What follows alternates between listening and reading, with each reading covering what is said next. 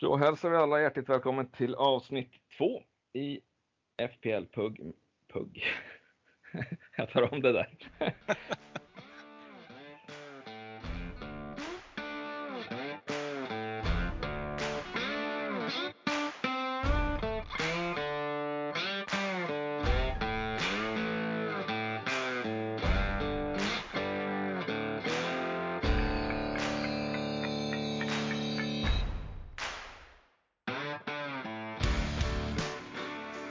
hälsar alla hjärtligt välkommen till FPL-tugg med Asa och Aronsson. Och vi är inne i del två av laggenomgången. Och vi har fyra nya lag vi ska gå igenom.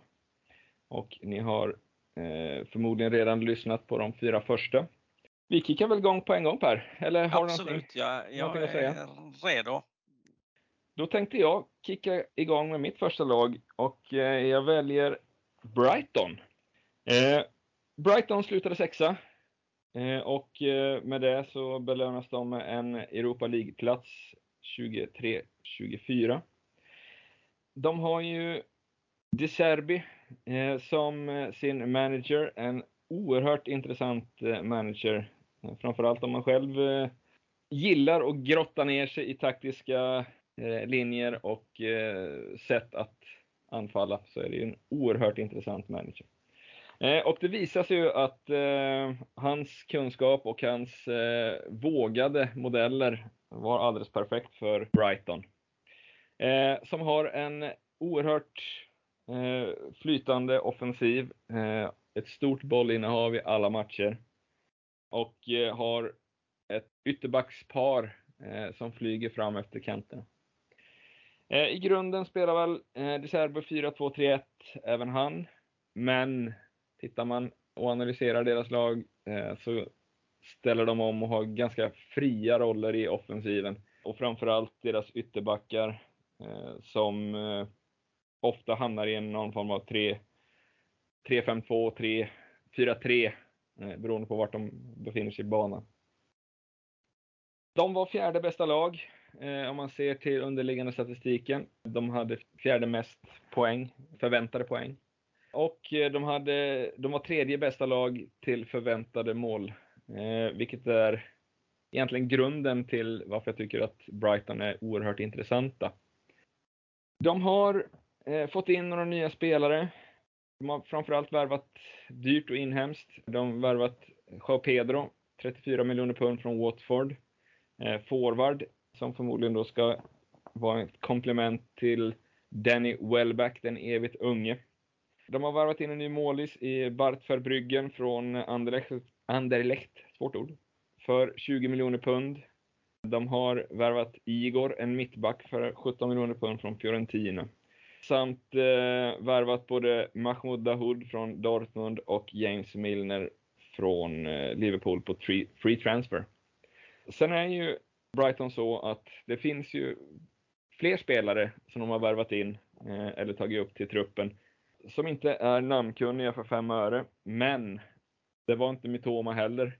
Så de kan ju vara oerhört intressanta, men där har vi ju ingen större bakgrund på spelarna, vilket innebär att där får man vänta och se.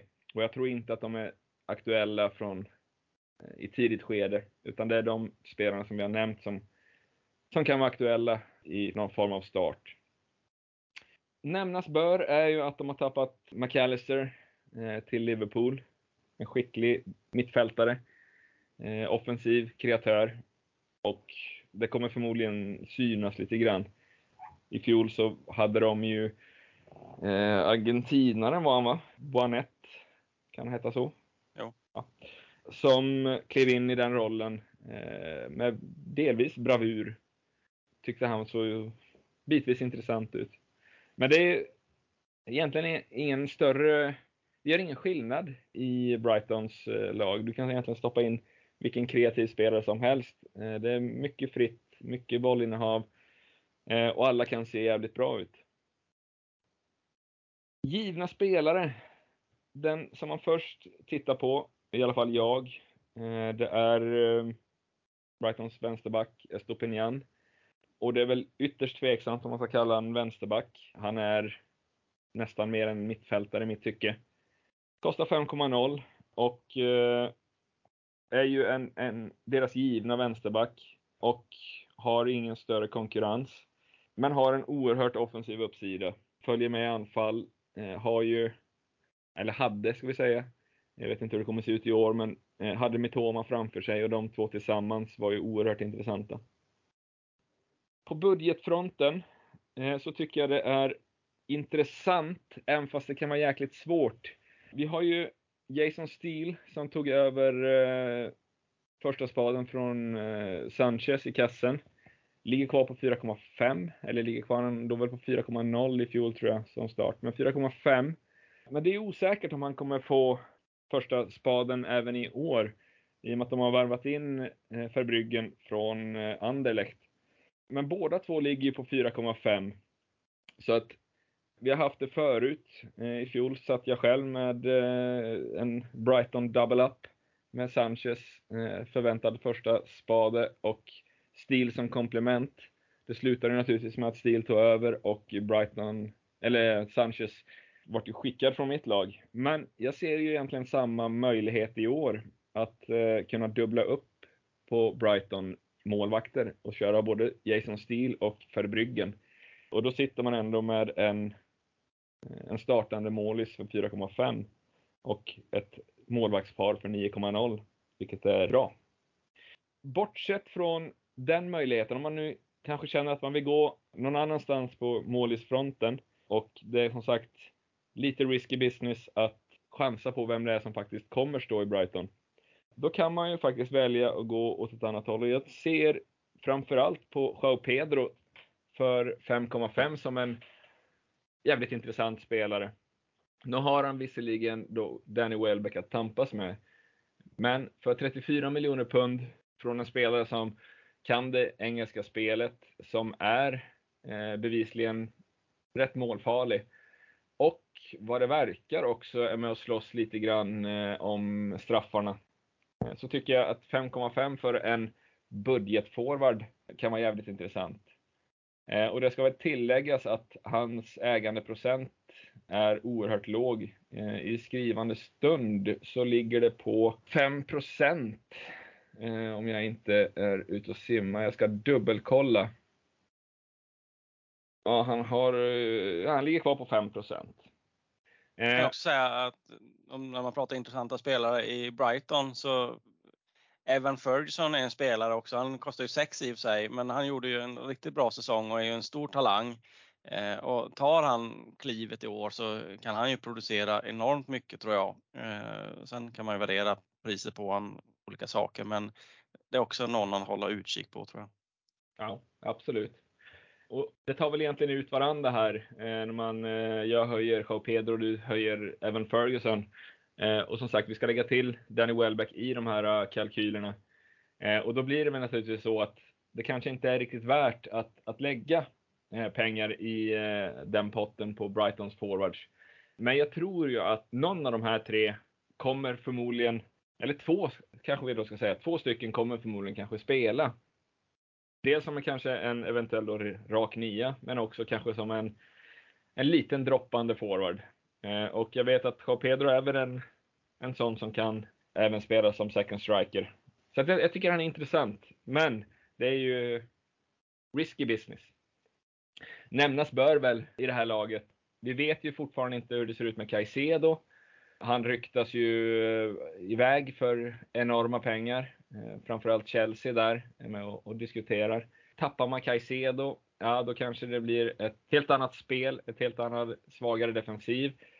Och det innebär ju naturligtvis att en sån som Estopinian kanske kan bli mindre värd eh, sett till att det, chansen till nollorna blir mindre. Men jag tycker det finns en sån stark offensiv uppsida som gör att han är intressant. Eh, jag tycker också att vi ska nämna eh, kanske i sina bästa dagar den mest prisvärda spelaren det är naturligtvis Mitoma som ligger på 6,5. Har en ägandeprocent på 37,5. Eh, gjorde 138 poäng i fjol. Involverad i eh, enormt mycket av eh, den offensiv som Brighton hade. Eh, är ju en liten trollgubbe på sin vänsterkant. Men återigen, jag tror att alla har full koll på Mitoma och jag tror att många har Mitoma i laget.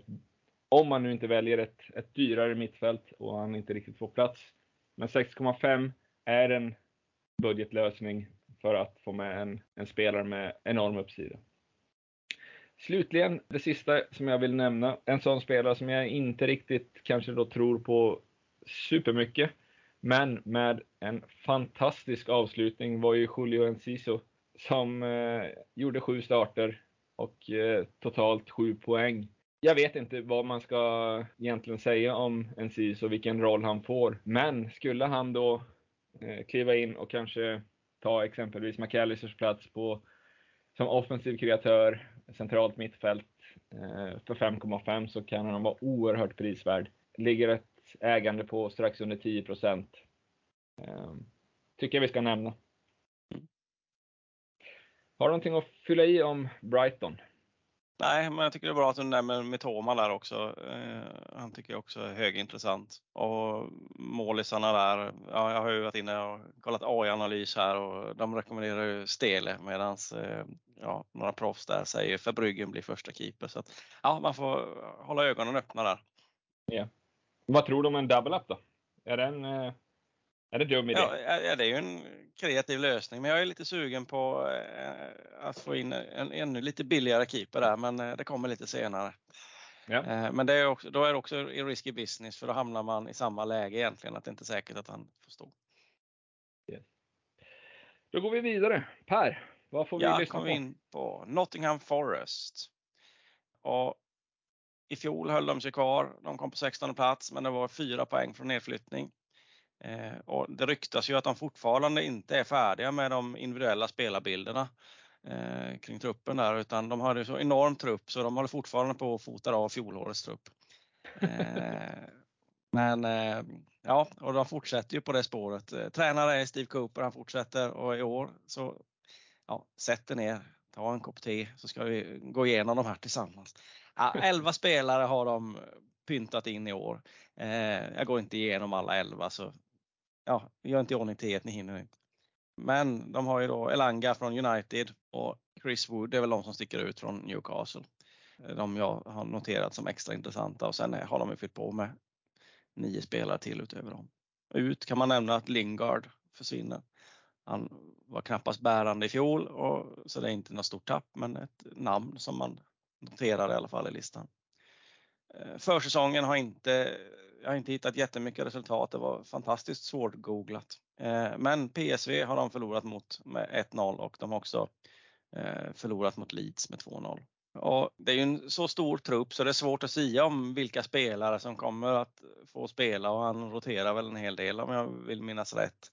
Eh, så jag tycker det är lite vanskligt att plocka ut spelare ifrån Forest överhuvudtaget. Jag har svårt att säga om de kommer få en bra säsong med deras mått mätt eller om de kommer göra en dålig säsong. Det här är ett lag som jag vill avvakta kring när det gäller att ta ut någon spelare. Men i fjol stack ju Gibbs White ut med 145 poäng och han ligger på 6 mille. Och Johnson på 122. Exakt pris på honom har jag inte nu. 6,0. 6,0 där också. Eh, så de finns ju där men jag tycker att man kanske ska titta på andra spelare innan man plockar de här för det är inte säkert att Forest levererar tänker jag. Eh, budgetspelare, vad sa vi där nu då? Taivo Avani, var det så det skulle uttalas eller hur eh, var det här? Skulle jag chansa skulle jag säga Avoni. Avoni, ja. Det är väl nigerianskt. Och du ja, tänker... ja, ja. Mm. Det låter nog korrekt. Ni får stå ut med mitt uttal. Eh, det är varken min portugisiska, spanska eller, eh, eller engelska. engelska är vad den har varit. Men småländskan, den är på hög nivå. Ja, eh, jag har inte så mycket mer att tillägga kring Forest där utan jag, som sagt, jag flaggar för att vara lite försiktiga där innan ni plockar ut.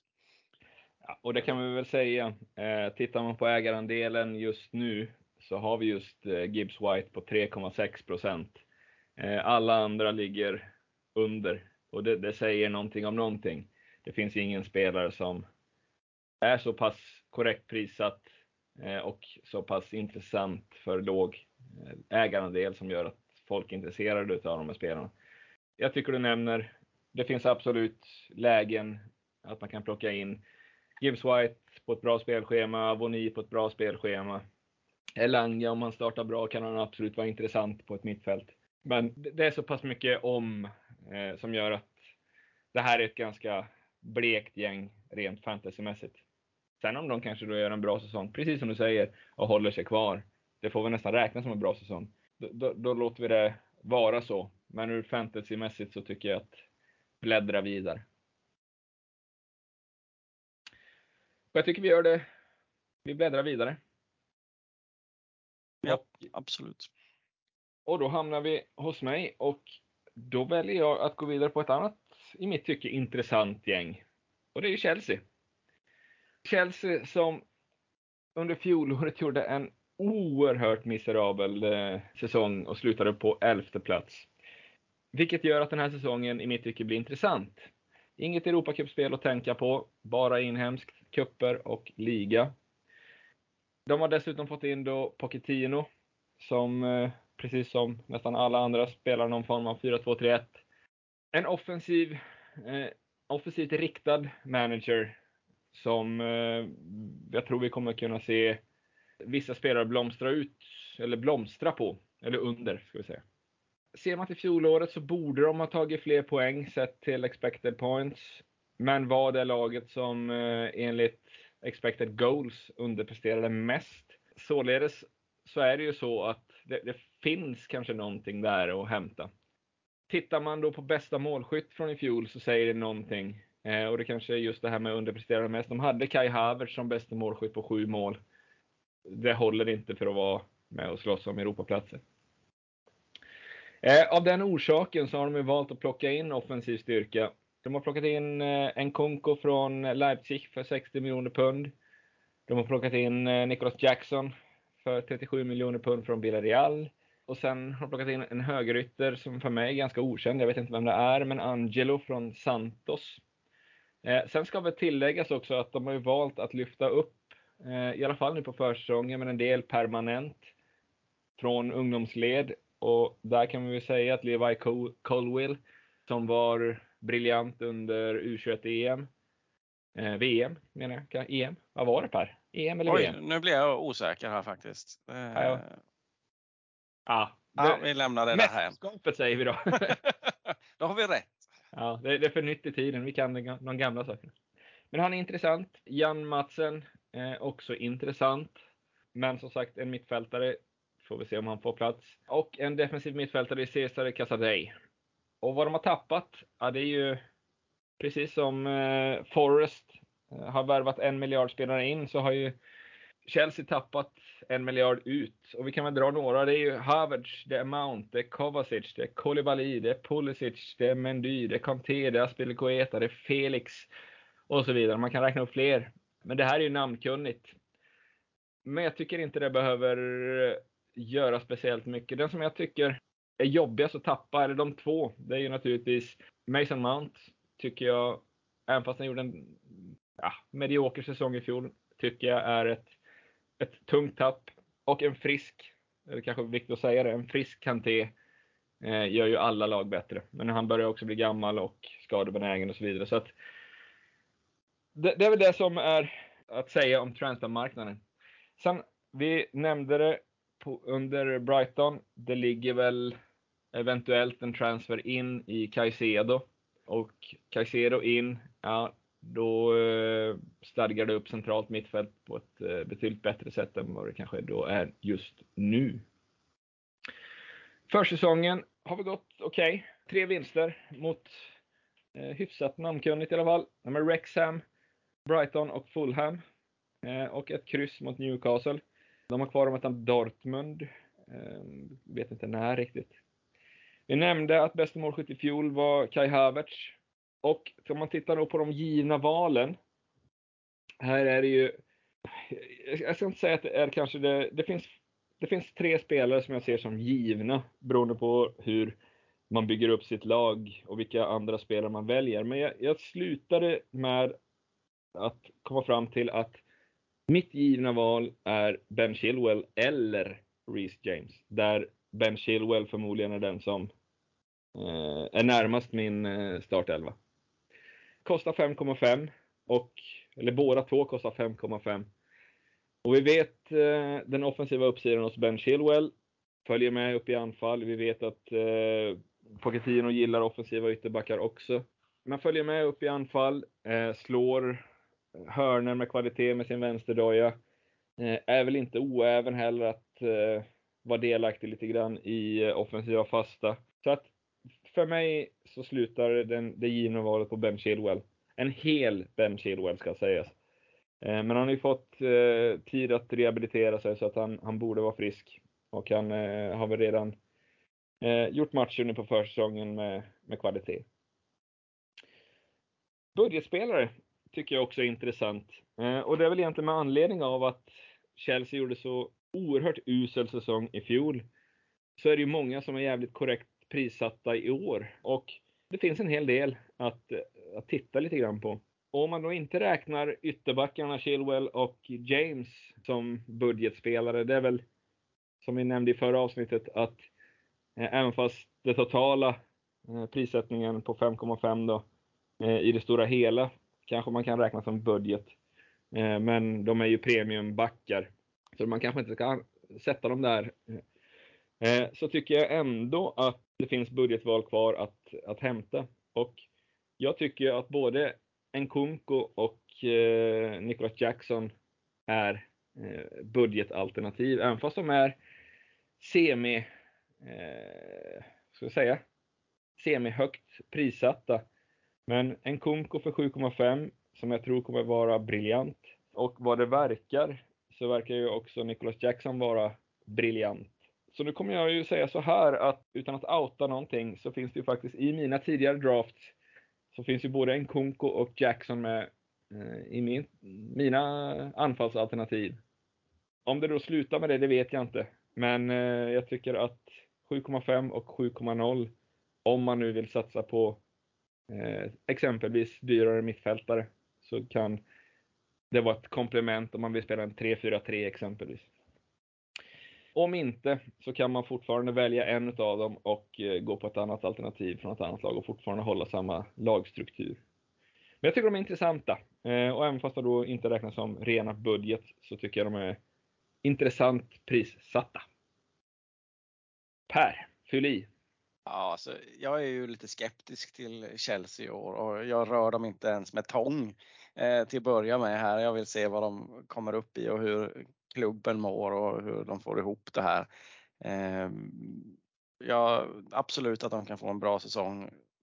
Men jag vill se det först innan jag börjar fylla på med några. Jag tänker akta mig som ögat för att ta med några Chelsea-spelare från start. Eh, jag litar inte på dem för fem öre. Sen kan jag ha fel. Det har hänt vid ett tillfälle tidigare. Men eh, ja, vi får se. Mm. Men eh, håll med mig om att eh, prissättningen på både Jackson och Nkunku är intressant. Absolut, så, så är det. Det kan jag hålla med om. Hade det varit ett annat lag, då kanske jag hade övervägt det. Om man bortser från premiärmatchen mot Liverpool så har de intressanta första åtta. Eh, de spelar West Ham borta, de spelar Luton hemma, de spelar Forest hemma, de spelar Bournemouth borta, Villa hemma, Fulham borta och Burnley borta. Sen kommer Arsenal. Om man kan bortse från Liverpool hemma så är det ju intressant ur framförallt den offensiva aspekten. Brighton är väl ett sånt lag också som har en fantastisk eh, inledning på eh, säsongen om jag har fattat det rätt. Så de är också värda att titta på utifrån inledningen av säsongen. Ja, de har väl kanske de, de tre första är ju superintressanta med Luton, Wolves och West Ham. Sen kommer ju både Newcastle och United. Mm. Eh, så att absolut, de tre första är intressant, sen blir det tuffare. Vi, vi, är av olika åsikt och för den modige skulle jag vilja säga då. Eh, för jag håller med om att jag tyckte Chelsea så semi-intressant ut i fjol också och de fick inte ihop det alls. Men jag tycker kombinationen av spännande prissättning eh, och jag tycker också med hela offensiva ytterbackar. Och det, vi ska väl fortfarande sätta sådana här citattecken eller vad det heter, eh, runt hela. För man vet inte rätt som så går det en baksida på exempelvis Reece James. Men med, med spelare som är hela så har de ett intressant offensivt lag. Och med den inledningen så tycker jag att är man modig så är man inne och plockar en eller två. Eh, kanske till och med tre om man nu är jättemodig. Men jag håller med dig. Man behöver absolut inte vara, vara där från start om man känner att jag vill gå safe eh, och eh, följa med den stora massan. Då, bara för att säkra poängen. Eh, för tittar man på ägarandelarna i Chelsea så är det ju faktiskt så. Nkunku, som då är mest ägd i Chelsea, ligger på 19,7 procent.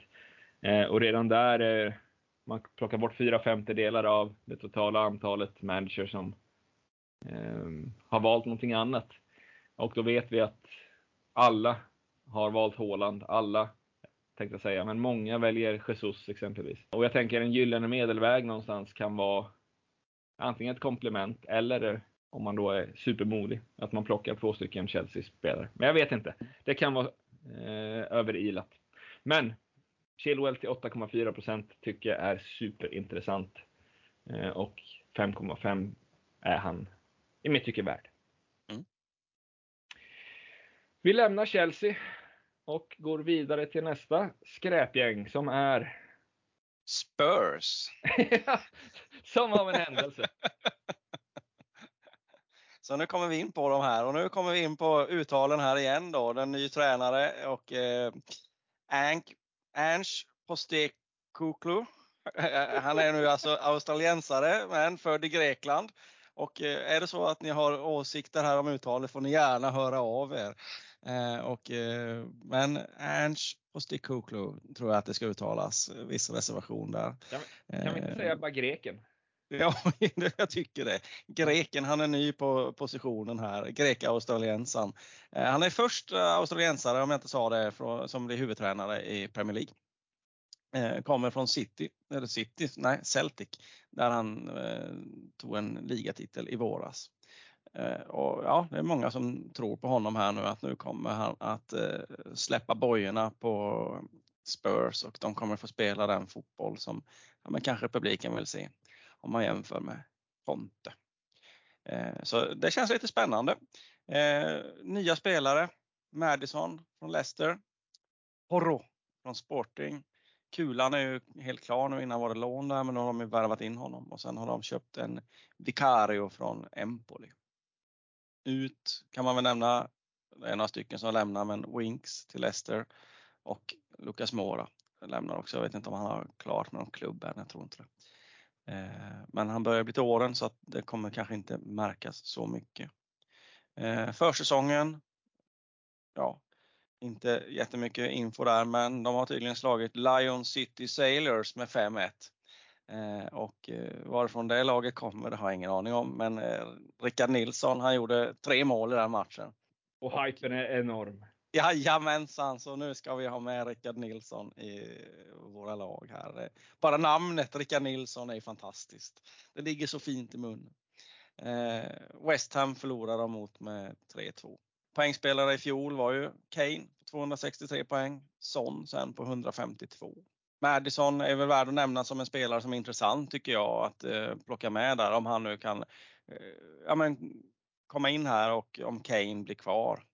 Eh, är det så att Kane är kvar då tror jag mycket på att Madison kommer leverera en hel del poäng. Sticker Kane, ja då kan man kanske fundera på det om det fortfarande kommer bli samma leverans där framme. Eh, ja, men, man kan väl ändå säga så här. Det finns ett, ett Spurs med Kane och ett Spurs utan Kane. Absolut. Och det du nämner om, om Madison, det, det gäller ju de flesta spelarna. Alltså Kulusevski är ju ja, är en skicklig spelare. Men är han lika skicklig utan Kane i längdspelet? Son, alltså det radarparet har ju varit med bra länge. Är han lika bra utan Son? Eller utan Kane? Mm. Ja, det är eh, högst oklart och vem ska de ha där framme? Är det Rikarlison som ska upp där då om, om Kane går eller vem är det de ska dundra på där uppe? Det är lite oklart tycker jag. Eh, jag tycker ju så här att även fast vi är lite raljanta och säger att hype-tåget går när Richarlison kliver upp. Men det, det, är inte en oäven tanke och det är väl egentligen mestadels för hans eh, roll som som mittfältare i spelet. Skulle han få en solklar nummer 9-roll, ja men det är klart, för 7,0 som mittfältare och du spelar eh, 90 minuter som striker, det är klart. Då, då blir det en helt annan eh, tanke. Men fram till dess att, att Kane eventuellt lämnar eller inte, eh, så är det ju helt andra bollar. Absolut, och han har gjort det bra, eh, i Everton. Han gjorde en hel del baljer och då var han ju inte ens forward utan då sprang han väl på vänsterkanten om jag minns rätt. Och så absolut att han har ju potential att göra mål, men det är inte på Keynes nivå kanske. Men som budgetspelare tycker jag att Porro är intressant. 5 mille.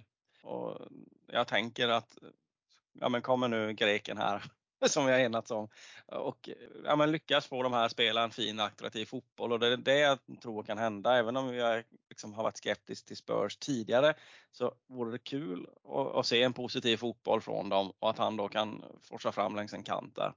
Så tänker jag att han kan vara värd det.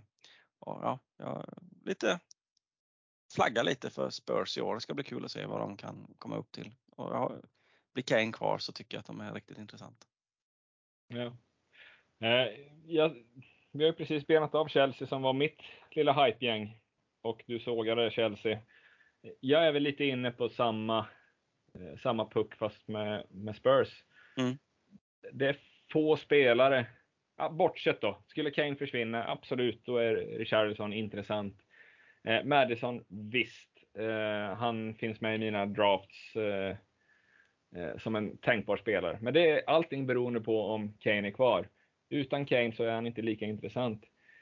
Jag tycker att det finns för många eh, dåliga spelare i Spurs för att de ska vara intressanta i de olika lagdelarna. Tittar man på defensiven så tycker jag att där finns det verkligen ingenting att hämta. Porro, ja absolut. Han följer med upp i sina eh, ytterbacksvågor. Men det är samma. Ah, kommer, han vara den, kommer han vara den spelaren som vi hoppas att han ska kunna vara? Jag ser till exempel Chelsea-ytterbackarna som bättre alternativ, visserligen för 0,5 mer. Centralt mittfält. Eh, visst, där har vi den här eh, galne dansken i Höjbjerg. Eh, men han är ju klappkass ah, jag, jag, vet inte. Eh, det finns en offensiv och när det klickar så klickar det. Men det mesta handlar om Kane. Och blir han inte kvar, vad finns då kvar? Så att jag, jag, vet inte. Jag vet inte riktigt hur man ska värdera de här. Det finns absolut guldkorn. Eh, men eh, de är alldeles för svåra att, eh, att chansa på. Eller man kan absolut, eller man kan, vi säger så här, vi kan vända på det. Jag tror man kan få en uppsida Eh, man får bra utdelning på om man väljer en Spurs-spelare i år. Och det tittar man också på eh, ägandeprocenten. Just nu, om, om, har du kollat på ägandeprocenten Per? Nej, det har jag inte gjort i bra. det här fallet. Då kommer det en quiz. Ja. Vilken spelare i Spurs är mest ägd? Går det att äga Kane blir min motfråga fortfarande eller han eh, någon, ja, absolut. Det, absolut. Mm. Eh, men jag tror att det är Kane. Eh, då är det fel. Oj, spännande. Ja. Är det, ja, vem ska vi dra till med här då? Då drar jag till med Son.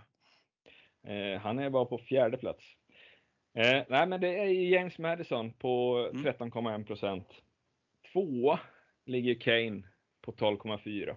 Och då tänker väl förmodligen folk, varför i helvete ligger Kane där? Jo, men det är dels eh, ryktena bort, eh, men jag tror det är oerhört svårt att få in både Kane och en annan högintressant spelare som vi kommer i längre fram i avsnitten.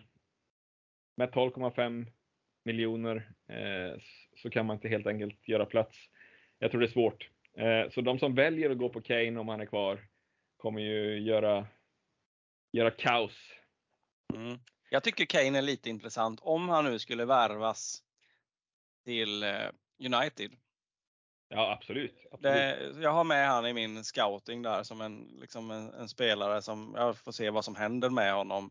Och skulle han komma till United så mm, då är han ju högintressant tycker jag. Men nu köpte United någon annan va? Ja, de köpte ju, vad heter han, Höjlund va? Eller Höj, ja. mm. ifrån Atalanta där. Ja, så, att, så jag tror nästan vi kan avskriva det. Det är väl mm. egentligen bara Bayern München som är, är kvar nu. Precis, det är lite så jag tänker också. Men ja, han är med där i min scouting. Och sen, ja, jag vill ändå flagga lite för dem och tror att de kommer att spela en positiv fotboll i år och att de, ja, kommer, vi kommer att se ett annat Spurs. Ja. ja, vi får väl se. Du som har ändå haft Spurs här nu som ditt scoutingmål. Eh, hur har det sett ut på försäsongen med eh, målisfrågan? För den är intressant. Den har jag inte hittat någon analys på. Det var svårt att hitta försäsongsmatcher. Det var ju den här Lion City Sailors eh, och West Ham. I övrigt så har jag inte hittat några resultat där utan det var way back och det verkar som att de har lite matcher framöver här. Ja. Eh. Eh, för jag tänker ju där, eh, tittar man på ägarandelarna eh, så ligger det på 5,6 procent på Fraser Forster. Eh, mm. och Fraser Forster eh, spelade 13 matcher i fjol. Loris var väl under isen. Jag minns inte, hade han skada också rent av? Ja, jag vet inte heller riktigt vad det var orsaken där. Ja, fast han var ju, han var ju klappkass. Mm. Eh, och skulle man nu se att Fraser Forster till 4,0 eh, blir en första slips eh, så kan det väl vara intressant? Absolut, mycket intressant. Om nu inte Vicario eh, som är prissatt högre kan vara den första scenen. Ja, för dålig info om, eh, om målisarna, målisläget. De sitter ju faktiskt med fem målisar i spelet just nu. Eh, men då kan vi räkna bort både Whiteman och Austin. Utan det är de tre nämnda, Juris, Forster och Vicario som kan vara intressanta. Men mm. gå inte dit. Yes Per, nu har vi gjort åtta lag. Eh, Jajamensan. Och vi har ju några avsnitt kvar att göra innan vi når slutet. Eh, vi kan väl berätta nu. Eh, vi har ju plan inför säsongen, ett, ett, ett spännande sidoprojekt eh, gällande ett lag som vi ska plocka ihop. Eh, vi kommer ju att eh, naturligtvis utöver våra egna, egna lag som vi kommer bygga så kommer vi också göra ett poddlag eh, där vi kommer att lotta fram en spelare, eller vi får välja en spelare från ett lag. Kraven är att vi får max ha en spelare från ett lag. Det vill säga att om vi snurrar på tombolatutan här och det handlar på eh, Nottingham Forest och så snurrar vi igen och därifrån ska vi välja en forward. Då är vi tvingade att välja en forward från Nottingham Forest. Och så fortsätter vi så 15 snurr och så har vi ett lag som vi kommer starta och jobba med. Därefter så kommer vi under varje vecka eh, under sändning eh, lotta igen och då så är det ju fri lottning och då får man eh, helt enkelt välja en ny spelare och man får byta ut ifrån den lagdel det blir. Så det är någonting som vi kommer följa under hela säsongen. Vi kommer bara få eh, eh helt enkelt använda vårt fria byte. Vi kommer inte göra någonting annat där. Eh, vilket innebär att med oerhört dåligt utfall så kan vi sitta med åtta skadade spelare som inte får byta ut. Och det är tungt. Och är det så här att det här laget kommer också vara med i ligan och tävla? Eh, eh, tänk... och eventuella lag som kommer efter det här laget i tabellen måste ju få pynta upp en extra 50-lapp till eh, vinnaren. Ja. Alltså det är någon form av skamgräns. Ja. Vinner, man, vinner man inte mot poddlaget eh, så, så är det ju uselt. Absolut. Yes, nej men vi säger så. Ehm, och som sagt, eh, ni kommer märka i flödet att eh, även fast vi nu eh, pratar om eh, avsnitt två så kommer ni med stor sannolikhet även kunna se eh, avsnitt tre och fyra och till och med kanske fem liggandes i eh, ert flöde. Och det har att göra med att vi vill bena bort så mycket som möjligt så vi kan ha veckan, eller kommande vecka fri. För att helt enkelt gnugga små detaljer och kanske, kanske rent av gå in och kolla på respektive lagdel eh, spelare som är intressanta. Eh, Åka på någon försäsongsmatch kanske? Precis. Lira BK mot eh, IFK Luleå. Där finns det mycket att hämta. Mycket att ska. Ja. Nej men Per, vi rundar väl av där. Det gör vi. Och så säger vi på återhörande. Tack och bock. Hej då.